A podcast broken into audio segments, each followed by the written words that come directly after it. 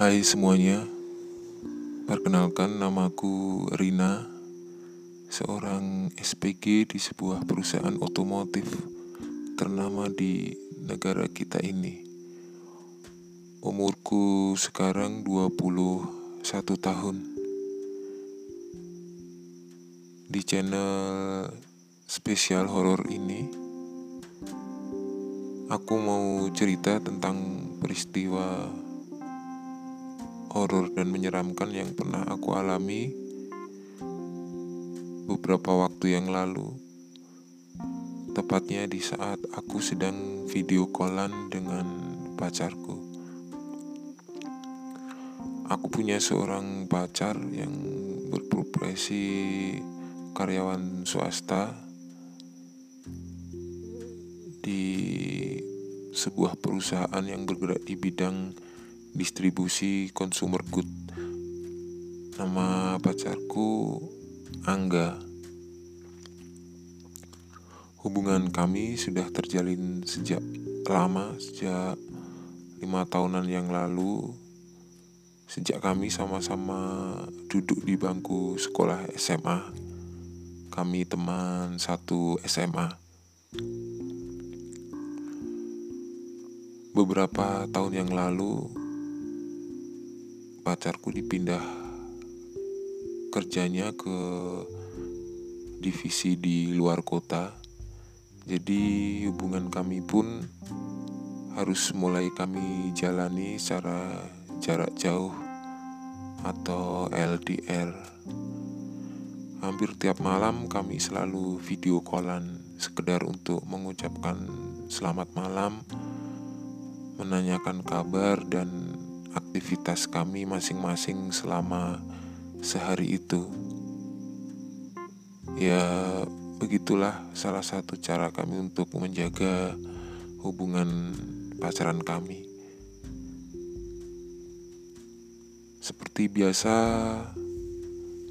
malam itu aku bersiap-siap untuk video call dengan Angga, pacarku.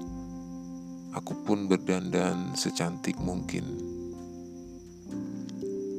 Dan akhirnya seperti biasa kami video callan.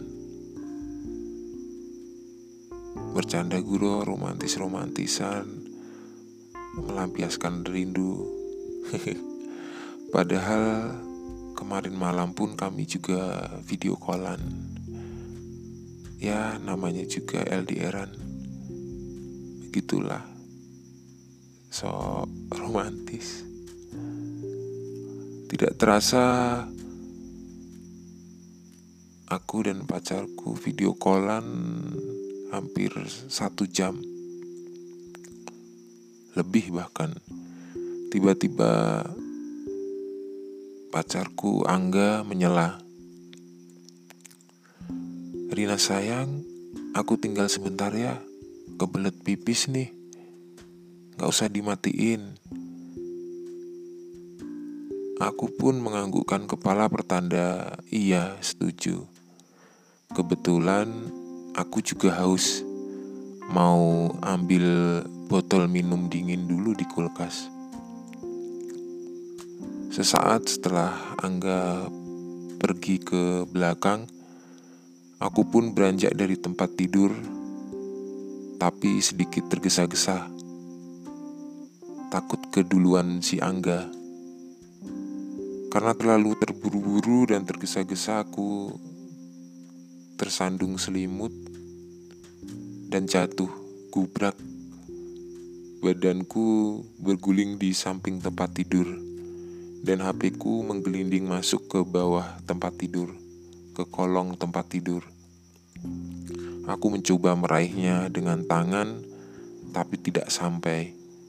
Harus pakai sapu ini. Pikirku waktu itu. Ya sudah, nanti saja sekalian mengambil minuman di kulkas. Akhirnya aku pun meninggalkan kamar dan menuju kulkas di dapur belakang sambil membawa sapu rumah yang kebetulan tergeletak di dekat tempat sampah di dapur.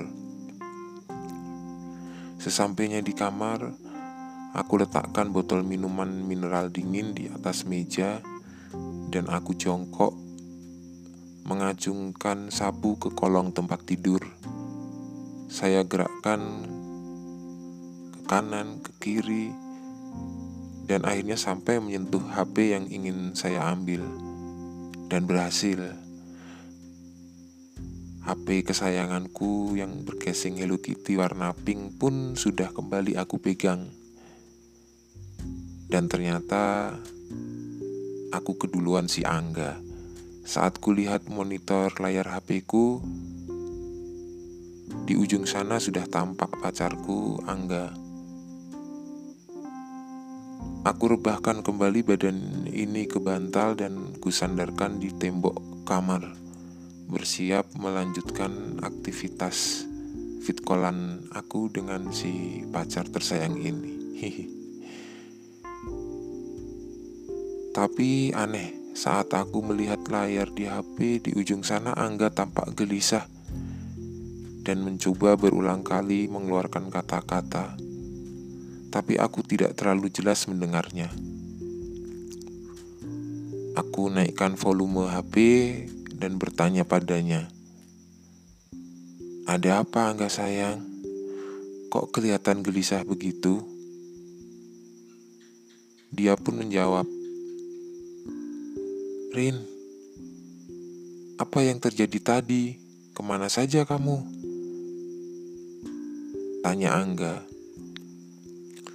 Aku pun menceritakan detail dari mulai aku pingin ambil minuman di kulkas saat Angga ke belakang.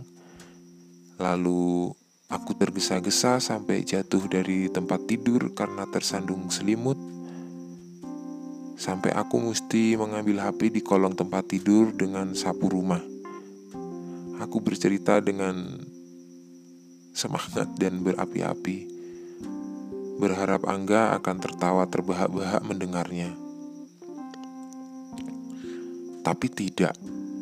Angga waktu itu hanya terdiam dan menatap aku dengan tajam, dan dari raut mukanya ada kegelisahan yang tidak bisa disembunyikan. Rin, sekarang kamu keluar kamar, katanya lirih. Emang kenapa enggak? Tanyaku heran. Pokoknya keluar kamar sekarang, nanti aku kasih tahu di luar. Meskipun waktu itu aku bingung, aku menurut saja. Feelingku, firasatku mulai tidak enak. Aku tahu betul selama ini Angga bukanlah tipe orang yang suka bercanda. Jadi aku merasa apa yang diucapkan Angga adalah hal yang serius, bukan bercandaan. Aku pun melangkah keluar kamar dan menuju kamar tamu. Tapi suasana gelap sekali. Karena lampu di luar semuanya sudah aku matikan sebelumnya. Aku hanya sendirian di rumah ini karena kebetulan papa mamaku sedang di luar kota undangan resepsi pernikahan rekan bisnis papa. Dan mereka pun menginap di hotel dekat lokasi resepsi. Aku hanya sendirian di rumah. Aku raih stop kontak, aku hidupkan lampu kamar tamu, lalu aku duduk merebahkan diri di sofa tamu.